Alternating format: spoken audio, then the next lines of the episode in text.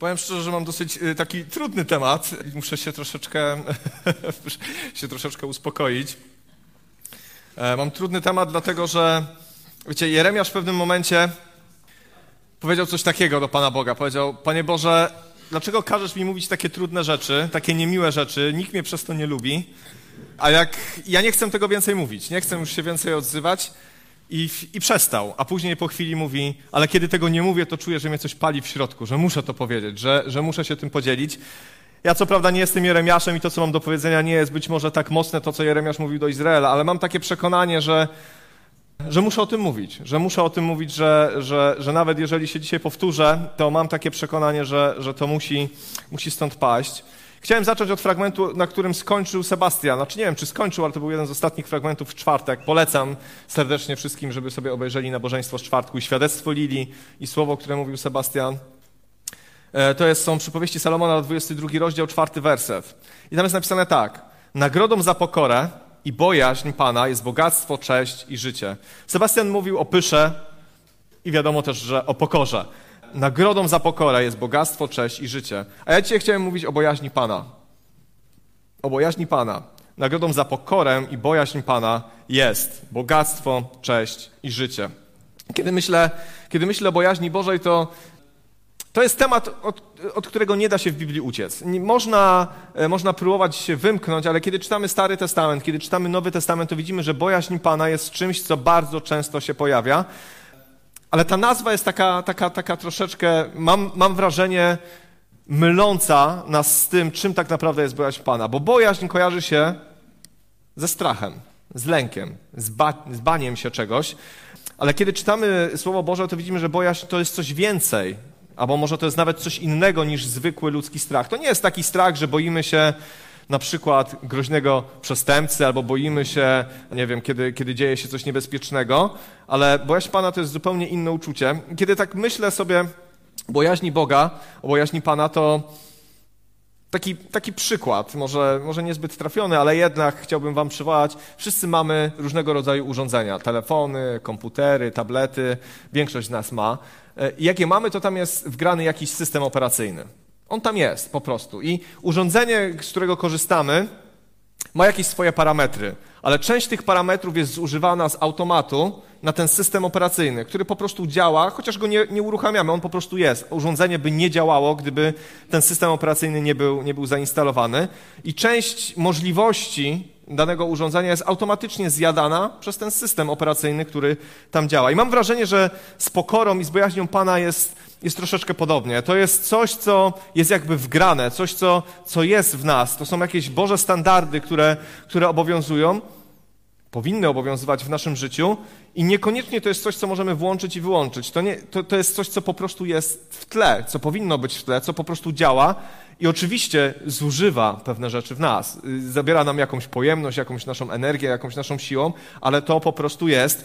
I wiecie, ja wierzę w to, że kiedy Pan Bóg mówi o bojaźni Pana, kiedy czytamy w sobie Bożym o bojaźni Pana, tu nie chodzi o strach przed Bogiem. Tu nie chodzi o taki strach przed Bogiem, który jest związany z tym, że Pan Bóg patrzy na ciebie z nieba i po prostu chce ci zrobić krzywdę, kiedy ty popełnisz błąd, kiedy chce, który chcecie ukarać tylko i wyłącznie dlatego, że popełniłeś błąd, zrobiłeś coś złego. To nie jest to. Nie jest, to, nie jest, to, nie jest to. Pan, kiedy mówi o bojaźni Bożej, to nie mówi o strachu.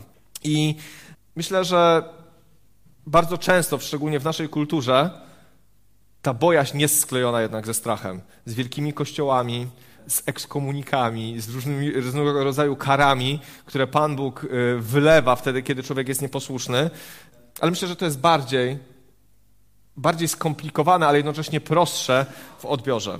Wiecie, jeżeli mam czuć jakikolwiek lęk w stosunku do Boga, to jedyny lęk, który chcę czuć w stosunku do Boga, to lęk przed tym, że stracę z Nim relację, że stracę z Nim kontakt, że stracę z Nim łączność. Tak, i to jest rzeczywiście lęk. Trochę, trochę. Ja się tego boję. Boję się konsekwencji tego w moim życiu, że kiedy stracę z Nim relację, to co się wydarzy.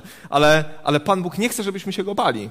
Jest napisane w Słowie Bożym, że w prawdziwej miłości nie ma, nie ma lęku, nie ma strachu. W prawdziwej miłości nie ma strachu. Pan Bóg chce w stosunku do nas mieć relację prawdziwej miłości, więc w tej prawdziwej miłości nie powinno być lęku, ale jednak bojaźń Pana jest czymś, co się bardzo mocno przewija. I wiecie, To jest temat złożony. Ja, wiecie, gdybym chciał wszystkie fragmenty bojaźni Pana wam teraz przeczytać, to musiałbym przez dwie godziny je czytać i pewnie bym ich nie przeczytał. Jest ich mnóstwo, jest ich naprawdę dużo, ale w liście do Hebrajczyków w 12 rozdziale, w 28 wersecie jest dla mnie definicja bojaźni pańskiej. Cały kontekst tego fragmentu, do którego za chwilę wrócę, będzie to tłumaczył, ale chciałem przeczytać tylko e, na razie tą końcówkę. E, zaraz wrócimy do, do całego fragmentu. Jest napisane tak. Dlatego, dlatego, jako ci, którzy otrzymują niewzruszone królestwo, zachowajmy wdzięczność i z nią pełnijmy służbę w sposób miły Bogu, z szacunkiem i w poczuciu odpowiedzialności wobec Niego. Jako ci, którzy otrzymują niewzruszone królestwo. Jeżeli chodzi o bojaźń Pana, to najważniejszą rzeczą jest to, żebyśmy sobie ułożyli pewne rzeczy, żebyśmy e, spojrzeli na, na pewne fakty, na pewne realia, które obowiązują w naszym życiu, kim jest Bóg, kim jesteśmy my i jaka jest relacja między Bogiem a nami. To jest absolutna podstawa, żeby zrozumieć, czym jest bojaźń Pana. I tu jest napisane tak. Jako ci, którzy otrzymują niewzruszone królestwo. My jesteśmy tymi, którzy otrzymują coś niesamowitego z nieba. Otrzymujemy coś wspaniałego i dobrze wiemy, że to nie jest nasza zasługa. To jest coś, co Pan Bóg nam daje ze swojej łaski, dlatego że my w Niego uwierzyliśmy, dlatego że On umarł na krzyżu, On zapłacił cenę, On zapłacił rachunek. My możemy tylko to odebrać my otrzymujemy niewzruszone królestwo. Otrzymujemy coś wspaniałego, coś, co trwa na wieki, wspaniałą radość, pokój, szczęście. To wszystko mamy na wieczność, ale na miastkę tego mamy już tutaj na ziemi. Możemy tego doświadczać i żyć z Bogiem. Ale tutaj czytamy tak: zachowajmy wdzięczność i z nią pełnijmy służbę. Czyli otrzymujemy niewzruszone królestwo, ale pełnijmy służbę. Służmy Bogu. Pełnienie służby to może niezbyt wygodne ale pełnienie służby to jest jednak posłuszeństwo swojemu Panu, temu, który coś mówi, my wykonujemy pewne rzeczy. Służba to jest wykonywanie pewnych czynności dla kogoś, pełnijmy służbę. To też pokazuje, jak w tej relacji my jesteśmy, e, jesteśmy umieszczeni.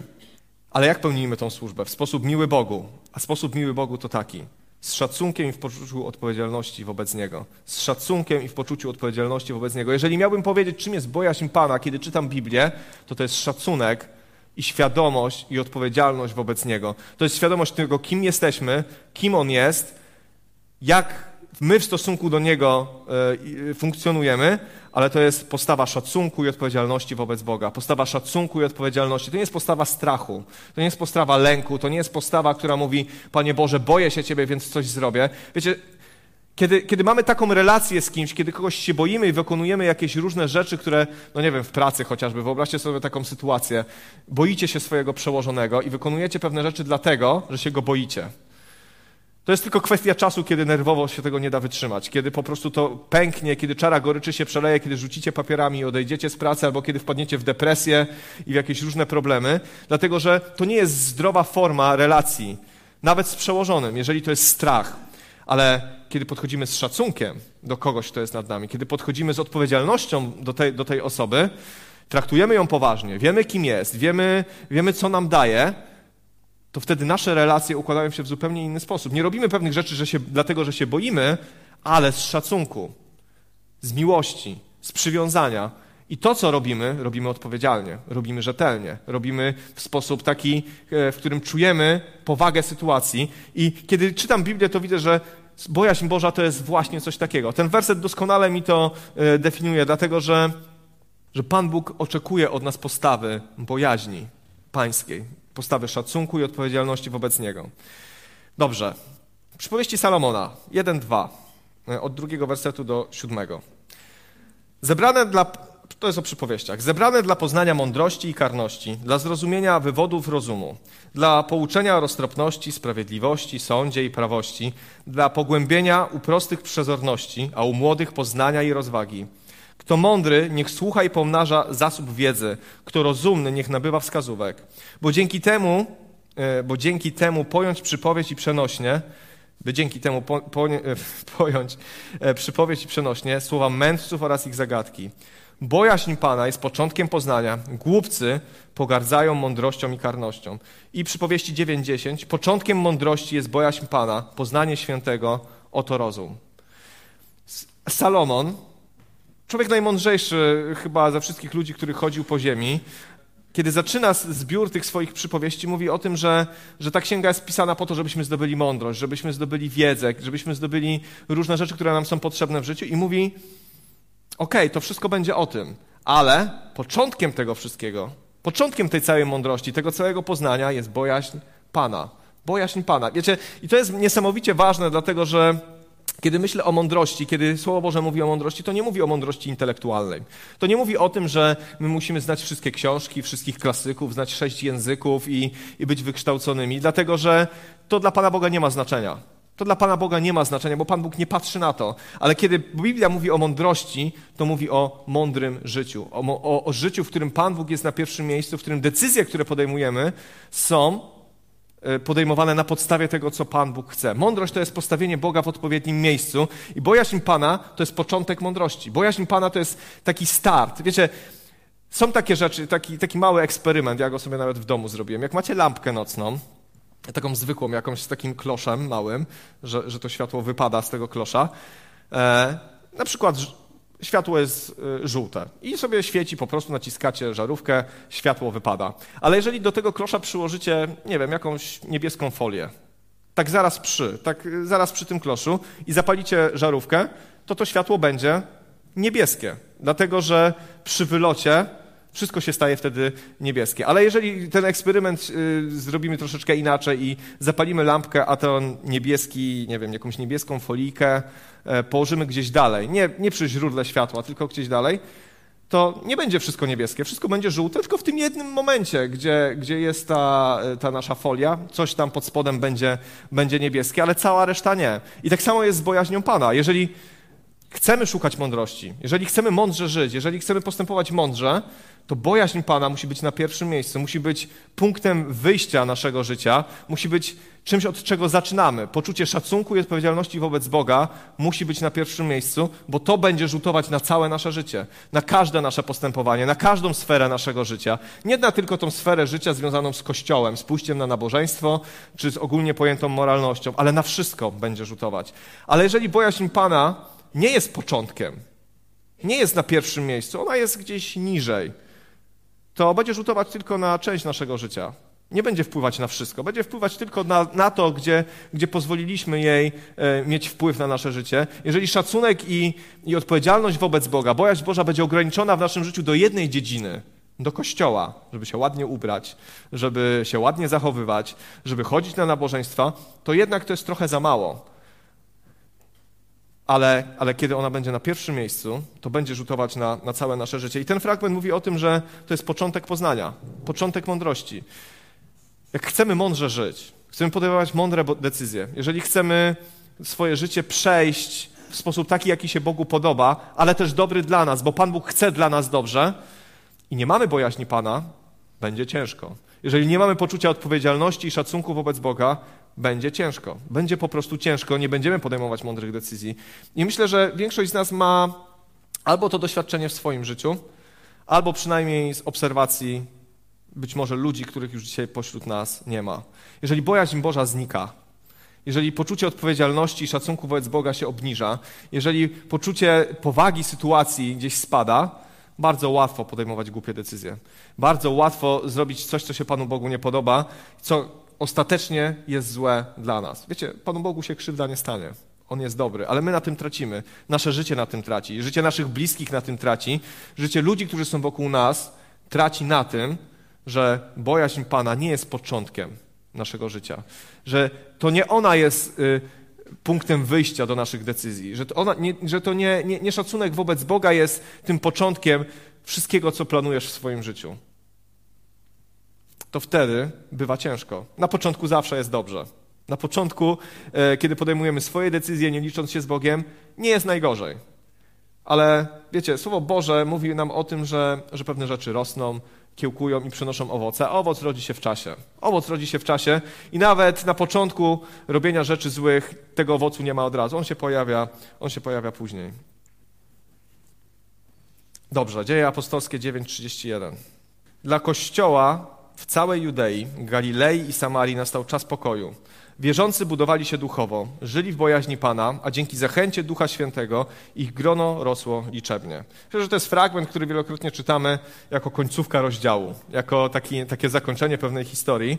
E, ale tutaj jest napisane, że pierwszy Kościół, ci, którzy, e, pierwsi uczniowie Jezusa, budowali się duchowo, żyli w bojaźni Pana,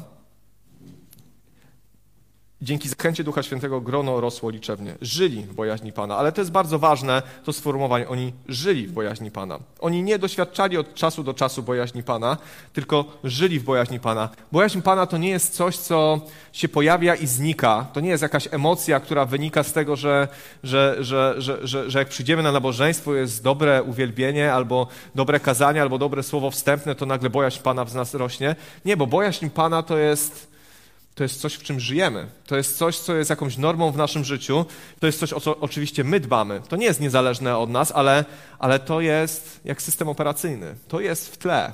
To jest w tle, to się nie rzuca na pierwsze oczy. Bojaźń Pana objawia się w różnego rodzaju sytuacjach, kiedy musimy podjąć decyzję, kiedy musimy, e, kiedy musimy zrobić jakiś krok, kiedy, kiedy być może jest niewygodnie, a musimy się odpowiedzieć za Bogiem albo nie za Bogiem, to wtedy Wtedy sięgamy do tej bojaźni Pana, wtedy, wtedy jej poziom pozwala nam podjąć odpowiednie decyzje, ale pierwszy Kościół żył w bojaźni Pana. Żył w poczuciu szacunku i odpowiedzialności dla Boga. Żył w tym poczuciu, że Pan Bóg jest wielki, że jest wspaniały, że jest cudowny i zaraz do tego dojdziemy, ale w tym żyli. I chciałbym, żebyśmy to mieli, jak przejdę dalej, cały czas z tyłu głowy, że bojaźń Pana to jest coś, w czym powinniśmy żyć. Nie od czasu do czasu o tym pomyśleć, ale to jest coś, w czym żyjemy. Dobrze.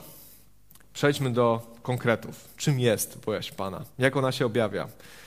Wiecie, dla mnie to jest temat bardzo ważny, dlatego że żyjemy w świecie, w którym wszystko, dużo rzeczy jest po prostu szarych, gdzie czarne, białe już nie jest takie istotne. Wiele rzeczy jest szarych, wiele rzeczy jest bardzo relatywnych ludzie sobie uznają, co jest dobre, co jest złe, na podstawie swoich emocji, swojej moralności, swojego przeżycia.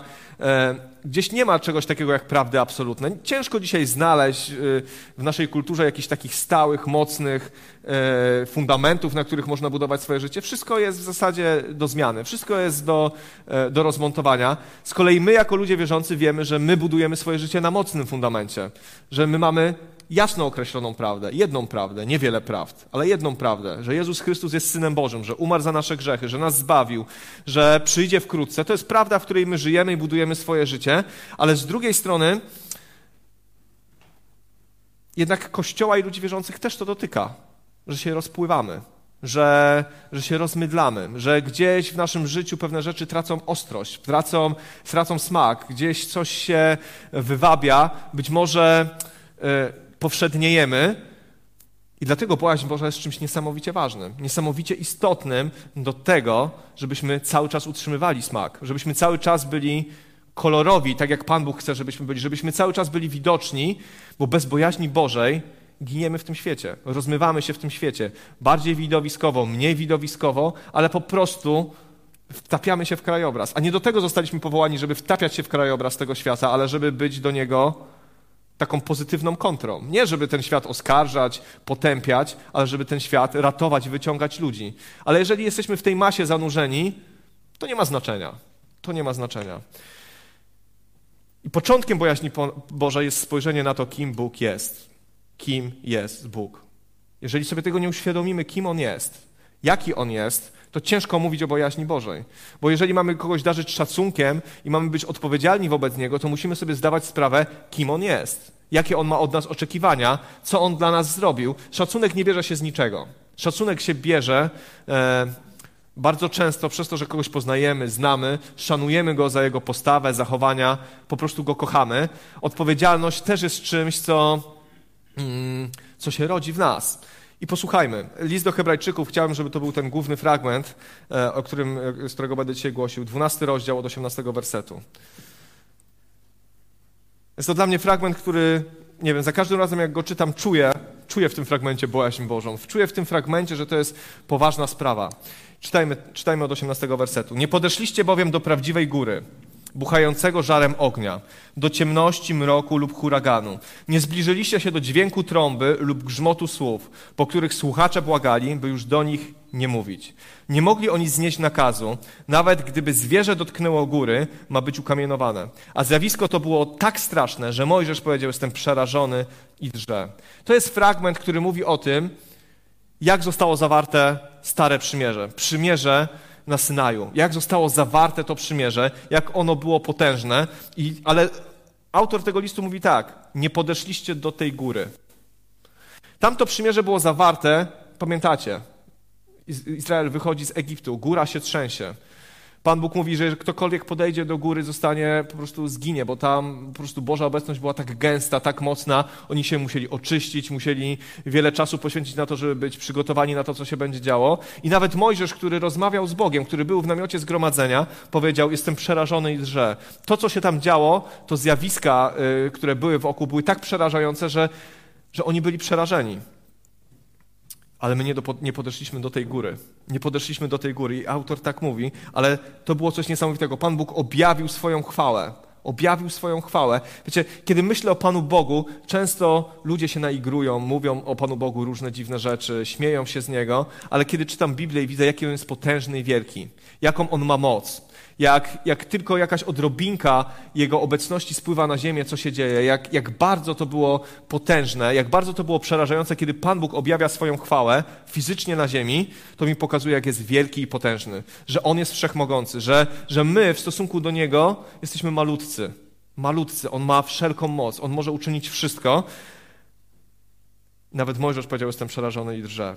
Ale to było, to było stare przymierze, zawarte na Synaju zawarte na Synaju, stare przymierze, ale krzyż zmienił sytuację. Krzyż zmienił sytuację. Krzyż absolutnie zmienił to, o czym tam czytamy.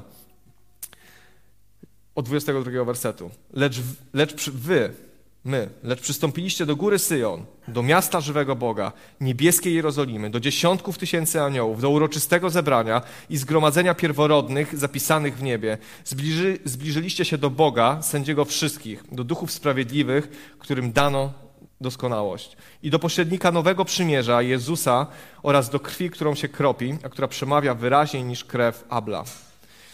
My, przez krew Jezusa Chrystusa, przez to, co się wyka wyka wykonało na krzyżu, nie podchodzimy dzisiaj do tętniącej e, góry. Nie podchodzimy dzisiaj do zjawisk e, takich fizycznych, które możemy doświadczyć, ale tu jest napisane, że podchodzimy do miasta żywego Boga. Wiecie, ten opis jest piękny. Do niebieskiej Jerozolimy, do dziesiątków tysięcy aniołów, do uroczystego zebrania. Zobaczcie, co Pan Bóg daje nam przez Jezusa Chrystusa. Co my dostajemy przez to, że uwierzyliśmy w Jezusa Chrystusa, bo uważam, że musimy się, nad tym, musimy się, nad, musimy się zachwycić tym.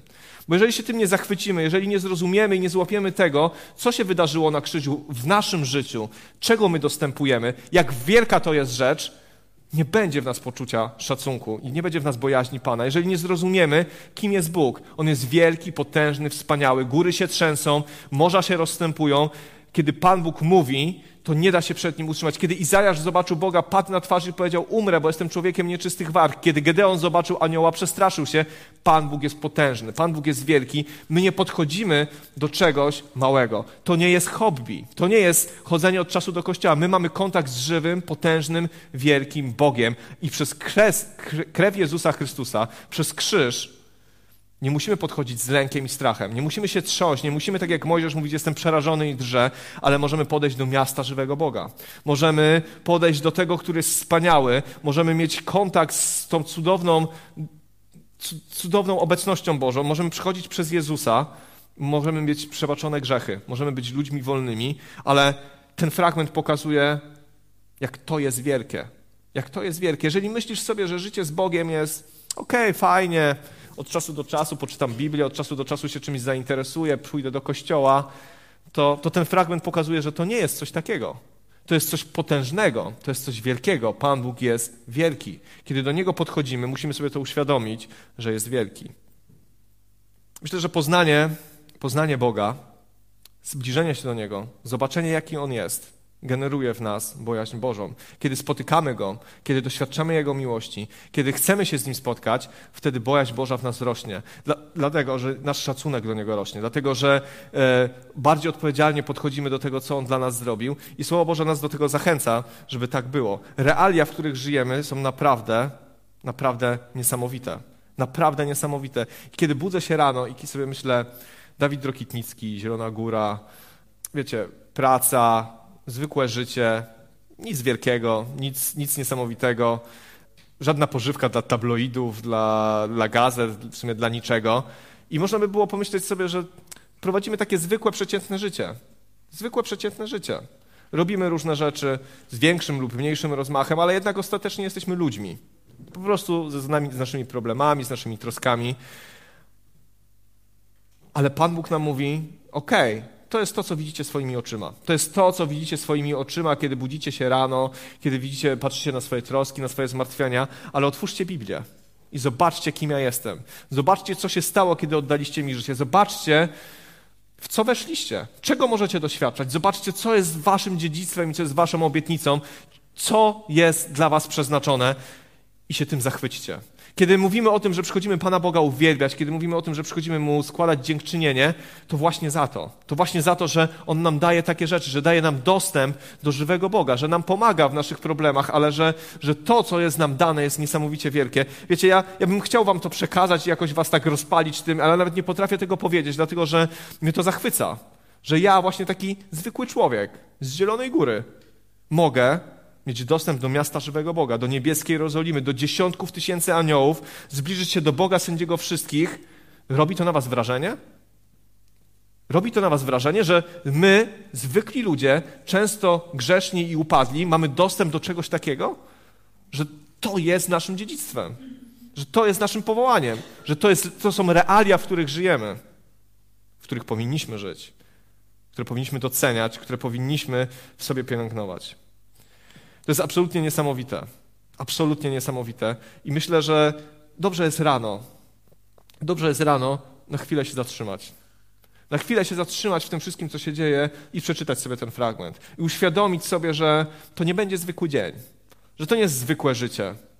Że Pan Bóg dał nam coś wspaniałego, coś pięknego, coś, za co powinniśmy Mu dziękować. To jest coś, do czego też dążymy. Wiecie, my tam będziemy z tymi tysiącami aniołów. My tam będziemy, my to będziemy widzieli. To jest, to jest niesamowite. I to fajnie. I powiem tak, bojaźń Pana myślę, że e, jest świetna wtedy, kiedy zachwycamy się tym, jaki Pan Bóg jest wielki. I to jest piękne. I to jest wspaniałe, kiedy Go doceniamy, to jest bardzo ważne, ale z drugiej strony dobrze wiemy wszyscy, że ten zachwyt nie jest ciągły, nie jest stały i nie zawsze, i nie zawsze nasze życie, w naszym życiu traktujemy to poważnie.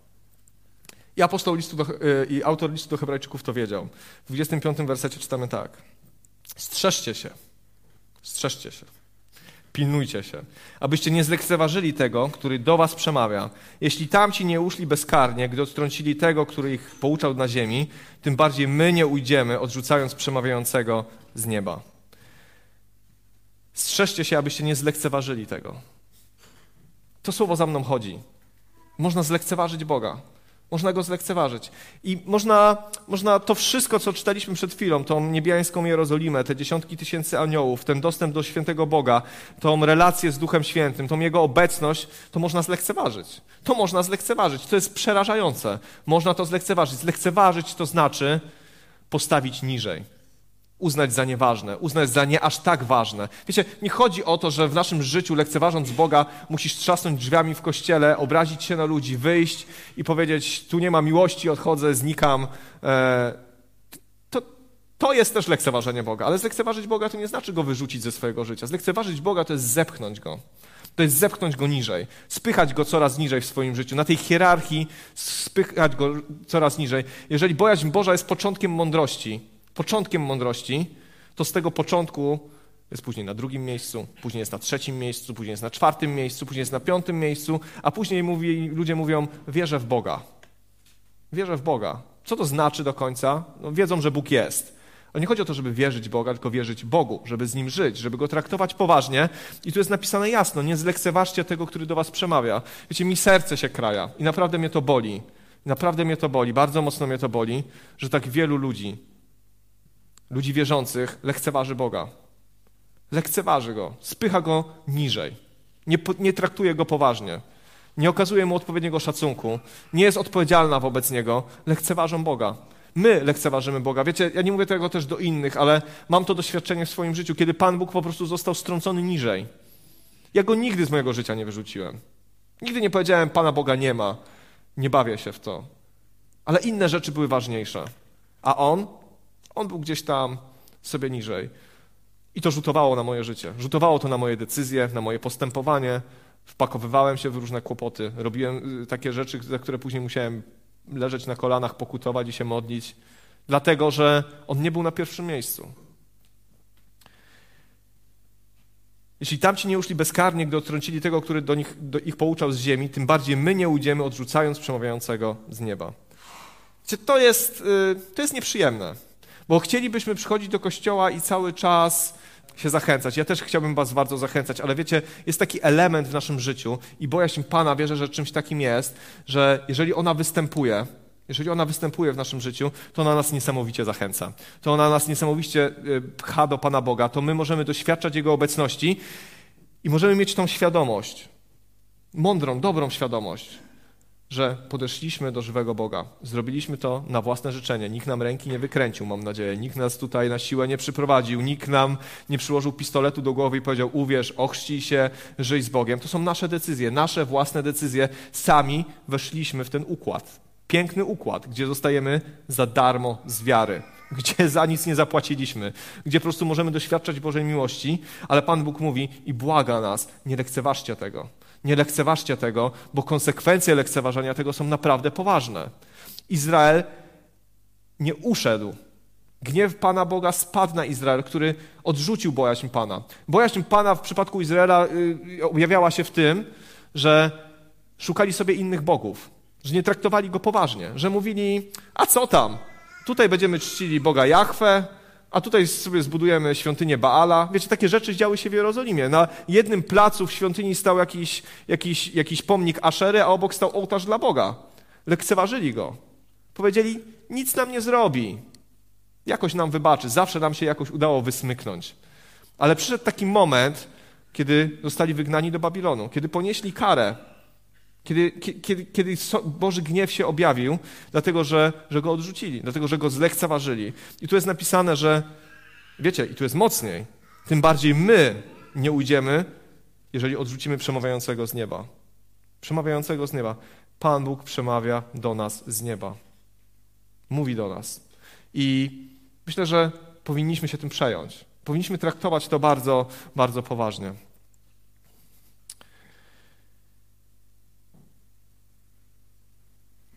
W księdze Jeremiasza w 32 wersecie, w 40 wersecie jest napisane tak. I zawrę z nimi wieczne przymierze, że się już od nich nie odwrócę, lecz zadbam o ich powodzenie, a bojaźń przede mną włożę w ich serca, aby już ode mnie nie odstępowali. Aby już ode mnie nie odstępowali. Kiedy myślę o bojaźni Bożej, też mam przed oczyma coś takiego, że to jest pewnego rodzaju bezpiecznik. Bezpiecznik.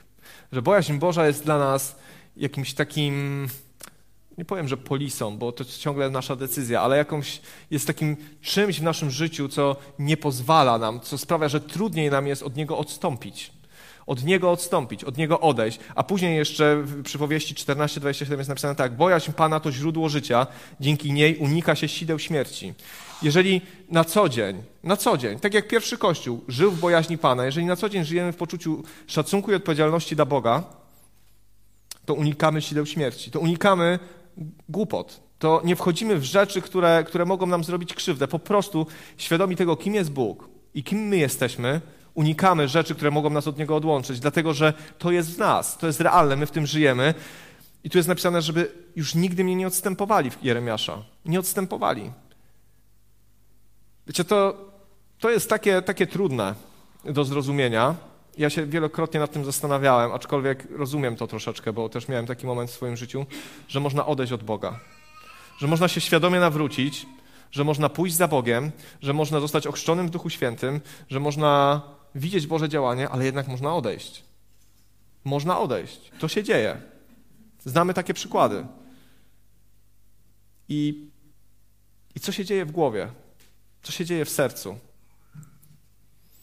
I wiem, że Pan Bóg nie chce nas straszyć absolutnie. On nie chce nas straszyć, On chce nas przyciągać miłością do siebie. On chce, żebyśmy byli z Nim blisko. On chce, żebyśmy mogli Go doświadczać, ale, ale z drugiej strony musimy sobie uświadomić, że to, że On oddał za nas swoje życie, że On zapłacił cenę za nas, że On nas prowadzi, że On dał, oddał swojego Syna za nas, ma swoją realną cenę. To jest z łaski za darmo, ale kiedy już to dostajemy, kiedy już to bierzemy, kiedy się na to decydujemy, to On chce nas zachęcać do tego, żebyśmy dobiegli, żebyśmy, żebyśmy o to dbali, żebyśmy mieli szacunek do Niego, żebyśmy patrzyli na Niego z miłością, zapatrzeni, po to, żebyśmy nie odpadli. Bo On nie chce, żebyśmy zginęli, On nie chce, żeby ktokolwiek zginął. Pan Bóg nie chce Cię straszyć, ale Pan Bóg chce Cię ratować, ale czasami w naszym życiu jest tak, że musimy w trudnej sytuacji przypomnieć sobie, kim jest Bóg. Musimy sobie przypomnieć, dokąd zmierzamy. Musimy sobie przypomnieć, co jest na szali. Kiedy masz do podjęcia decyzję, Bóg czy coś innego, chwila przyjemności, to musisz się zastanowić, jakie to może mieć konsekwencje w wieczności. Co to może zmienić w Twoim życiu? Ja wiem, że to nie są łatwe decyzje. Wielokrotnie tak miałem. List do Hebrajczyków. 26, 27 werset, wracamy do tego 12. Ten, którego głos Wtedy wstrząsnął ziemią i teraz tak zapowiada. Jeszcze raz wstrząsnę nie tylko ziemią, ale i niebem. Słowa jeszcze raz dotyczą usunięcia tego, co nietrwałe, ponieważ jest stworzone, aby przetrwało to, co niewzruszone. To jest kolejny aspekt bardzo ważny, dla mnie bardzo ważny, myślę, że dla wielu z nas bardzo ważny, tego, że, że jest teraźniejszość tu i teraz. I ona jest bardzo ważna dla nas. Większość z nas żyje teraźniejszością. Ona nas zajmuje głównie tym, co będzie jutro, co się wydarzy za chwilę, nasze problemy, troski, smutki. To wszystko jest prawda, ale ten fragment mówi o tym, że uświadomcie sobie, że ten, że ten, do którego przychodzimy, już raz wstrząsnął ziemią, ale wstrząśnie nią jeszcze raz i zostanie tylko to, co niewzruszone, a to, co nietrwałe, zniknie. I, I dobrze jest to pamiętać. I dobrze jest mieć szacunek do tego, że, że, że, że to, co jest teraz, to nie jest wszystko. I że to, co mamy teraz, tu i teraz, to nie jest wszystko. I nasze troski i zmartwienia to nie jest wszystko, co mamy. I że to kiedyś się skończy. I zostanie tylko to, co niewzruszone. I zostanie tylko wieczność. I zostanie tylko Chrystus. I ja wiem, że z perspektywy młodych ludzi często to jest takie no nie, myślenie o śmierci, myślenie o wieczności. Przecież tu tyle rzeczy jest do zrobienia. Ja wiem. Ja wiem, też nieczęsto o niej myślę. Nie chcę nawet za bardzo o tym myśleć, ale z drugiej strony musimy mieć świadomość, że e, Ewangelia i Boże obietnice i to, to niebiańskie Jeruzalem to sięga poza śmierć. To jest nasza główna obietnica, zbawienie. Zbawienie na wieczność. Ciężko nam sobie wyobrazić wieczność, bo nie jesteśmy w stanie przyjąć tego do głowy, że coś nie ma końca, ale to jest nasze powołanie. To jest coś, do czego Pan Bóg nas powołał i dobrze by było o tym pamiętać. Dobrze by było traktować to poważnie, że przyjdzie taki moment, że to, co to, co nietrwałe, zostanie usunięte, a to, co niewzruszone, zostanie na wieki. I warto by było troszczyć się o to, co, co wtedy zostanie. To jest świadomość, która myślę, że jest nam bardzo potrzebna, żebyśmy ją pielęgnowali w swoim życiu. Lubię to w Panu Bogu, że On nie, nie, nie, kładzie przed nami zagadek. Jeżeli chodzi o przyszłość, jeżeli chodzi o swoje nastawienie do nas, jeżeli chodzi o to, co dla nas przygotował, to Pan Bóg nie, nie wymyśla nam zagadek. Nie mówi nam, wiecie co, jak odgadniecie zagadkę, to ja wam pokażę, co się wydarzy. Pan Bóg w bardzo jasny i klarowny sposób mówi nam, Jakie są fakty? Mówi nam, byliście grzeszni, byliście bylejacy, nurzaliście się w grzechu, umieraliście, ja wysłałem swojego Syna, On was zbawił. Jeżeli uwierzycie w Niego, macie nowe życie. To jest bardzo proste. Możecie żyć wspaniałym życiem, możecie wzrastać, możecie doświadczać cudownych rzeczy. Duch Święty będzie z wami, będzie wam pomagał. Zostaliście przeniesieni do Królestwa Światłości. To są fakty, czytaliśmy o tym przed chwilą. A koniec będzie taki. I czytamy Apokalipsę, czytamy Słowo Boże, wiemy, jaki będzie koniec, wiemy, że Chrystus przyjdzie po swój Kościół, wiemy, że, że ostatecznie ci, którzy Mu zaufali, będą z Nim na wieczność, ci, którzy Mu nie zaufali, będą potępieni, jakkolwiek to będzie wyglądać. Pan Bóg nie, wiecie, nie każe nam odkrywać czegoś. On nam to wszystko jasno i wyraźnie mówi. On kładzie karty na stół i mówi, proszę bardzo, proszę bardzo, to jest wszystko jasne. Naprawdę to jest wszystko jasne. Popatrz na to, i przejmij się tym, dlatego że to jest kwestia Twojej wieczności, dlatego że to jest kwestia całego Twojego życia. To jest bardzo poważna rzecz i bardzo to lubię. Bardzo to lubię w Panu Bogu, że naprawdę jest bardzo z nami szczery. Nie, nikogo nie oszukuje, nikomu nie nawija makaronu na uszu, nie manipuluje nami, powie, chodźcie, chodźcie, będzie fajnie, a później się okazuje, że nie jest fajnie. Jasno mówi wszystko i wyraźnie. Mówi, że kiedy będziemy szli za nim, to będziemy przeżywać prześladowania, nawet trudne chwile, ale ja będę z wami. Pan Bóg wszystko nam pięknie mówi. Nie możemy być rozczarowani, że coś się dzieje w naszym życiu, dlatego że Słowo Boże o tym wszystkim mówi. Ono o tym wszystkim mówi. Nie idziemy w jakieś nieznane. Nie musimy odkrywać jakichś tajemnic Bożych, dlatego że to wszystko zostało nam objawione. Wystarczy czytać, wystarczy mieć otwarte serce, prosić Ducha Świętego o objawienie. Bardzo to lubię. Bardzo to lubię, że Pan Bóg nam to wszystko pokazuje i zachęca nas do tego, żebyśmy naprawdę szli za Nim odpowiedzialnie. I końcówka, to co już czytałem na samym początku. Dlatego jako ci, którzy otrzymują niewzruszone królestwo, zachowajmy wdzięczność i z nią pełnimy służbę w sposób miły Bogu, z szacunkiem i w poczuciu odpowiedzialności wobec Boga. Nasz Bóg bowiem jest ogniem, który może strawić wszystko. Poważna sprawa. Mówię to o tym dlatego trochę chaotycznie, trochę mi jest tu gorąco, e, trochę się może motam, ale wiecie, mam w sercu to bardzo głęboko, bardzo głęboko, to, to, tą jedną rzecz – Kościół Jezusa Chrystusa musi się obudzić i potraktować rzeczywistość, w której żyjemy, bardzo poważnie. My musimy potraktować to bardzo poważnie. To, że jesteśmy chrześcijanami, musimy wziąć na poważnie. To nie jest zabawa, to nie jest rozrywka, to nie jest robienie czegoś od czasu do czasu, to nie jest oszukiwanie siebie i innych. Pana, Bogu, Pana Boga nie oszukamy.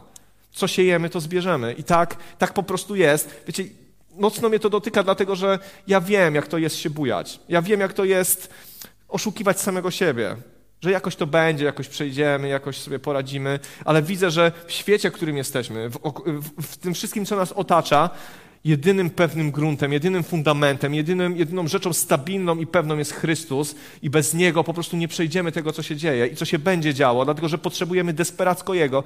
Jeżeli Go nie potraktujemy poważnie, jeżeli nie będziemy chodzili za Nim z szacunkiem i z odpowiedzialnością, jeżeli nie będziemy patrzeć na Niego tak, jak powinniśmy na Niego patrzeć, jako na wielkiego Boga, pogubimy się, zgubimy się w tym, co się będzie działo. Zgubimy się. I nie na chwilę, i nie tak, że będzie nam przykro, zmarnujemy swoje życie. Być może swoją wieczność zaprzepaścimy, jeżeli nie będziemy traktować go poważnie.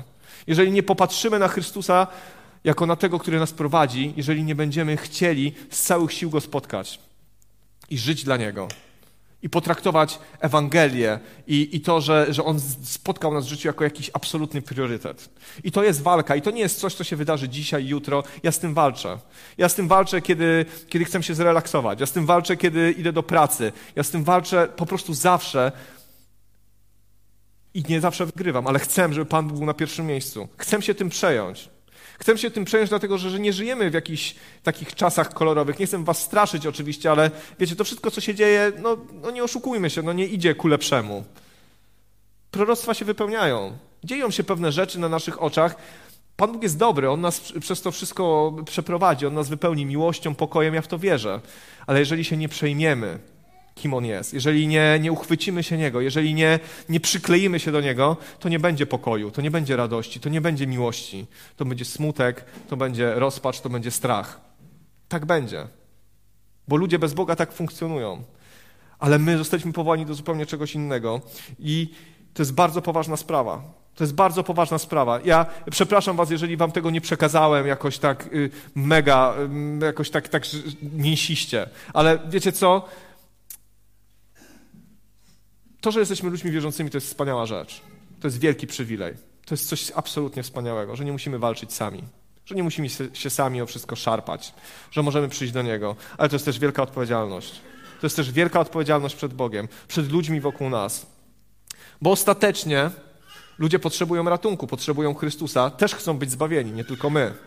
Nie tylko my chcielibyśmy żyć wiecznie.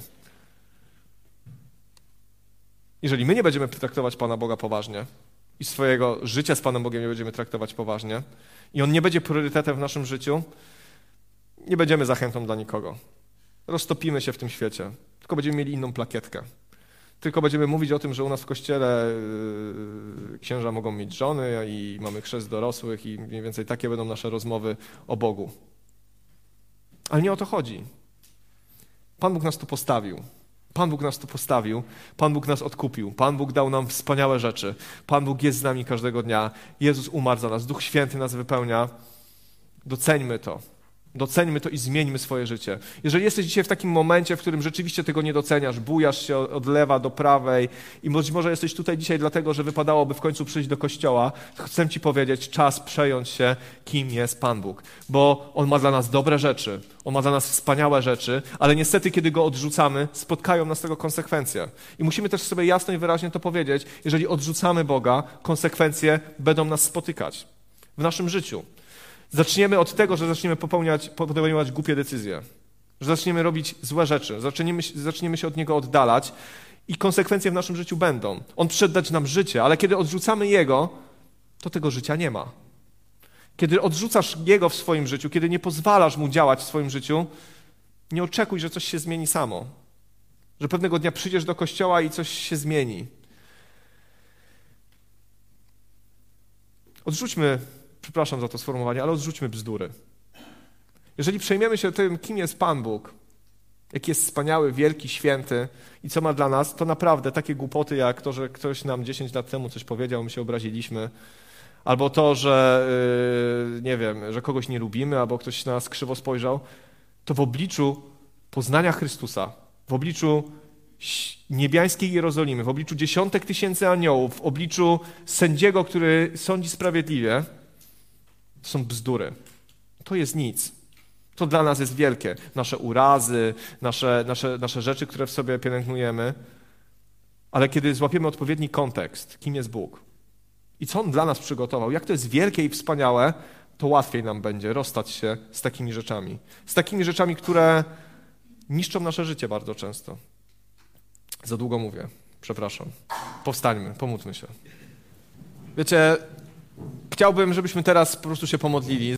Jeżeli jesteś w takim momencie swojego życia, że rzeczywiście bojaźń Pana to jest dla ciebie coś, o czym czytasz w Biblii i w sumie, w sumie nie ma tego za bardzo. Jeżeli traktujesz dzisiaj Pana Boga lekko, może uważasz, że wystarczy od czasu do czasu, jeżeli, jeżeli gdzieś tam w swoim życiu strąciłeś Go kilka pięterek niżej i On dzisiaj za bardzo za bardzo nie ma wpływu na Twoje życie. On nie rzuca cienia na Twoje postępowanie, na Twoje życie, na Twoje decyzje.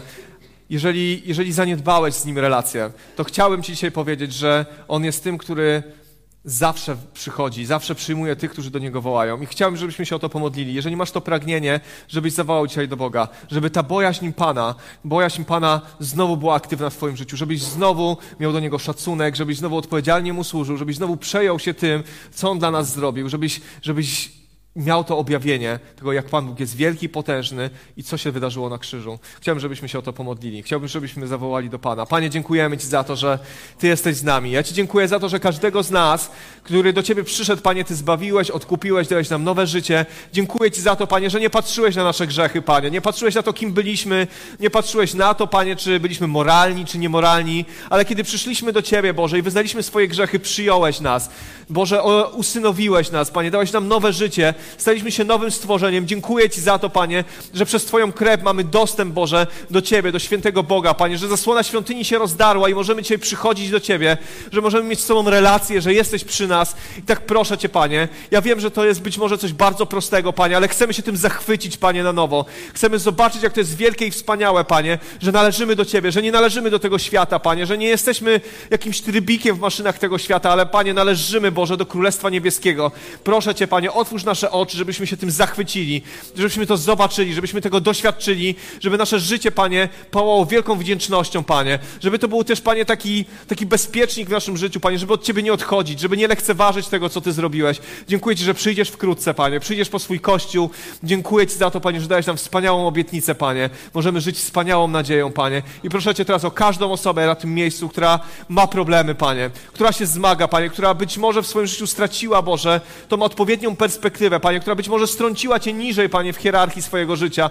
Proszę Cię teraz o Twoją łaskę, Panie. Proszę Cię, żebyś rozpalił, Panie, każde serce, które dzisiaj tego potrzebuje. Proszę Cię o to, żebyś Ty zachwycił, Panie, każdą osobę tym, co zrobiłeś na krzyżu, Panie. Żebyś zachwycił nas swoją potęgą, Panie. Żebyśmy potraktowali Cię poważnie. Jako Twój Kościół w tym mieście traktowali Ciebie i Twoje słowo poważnie, Panie. Żebyśmy z szacunkiem i odpowiedzialnością służyli Tobie. Żebyśmy się nie migali, Panie. Żebyśmy postawili Cię na pierwszym miejscu, Panie, tam, gdzie jest Twoje miejsce, żebyś Ty wpływał na całe nasze życie, Panie. Prosimy Cię o to, prowadź nas, Panie, w imieniu Jezusa Chrystusa.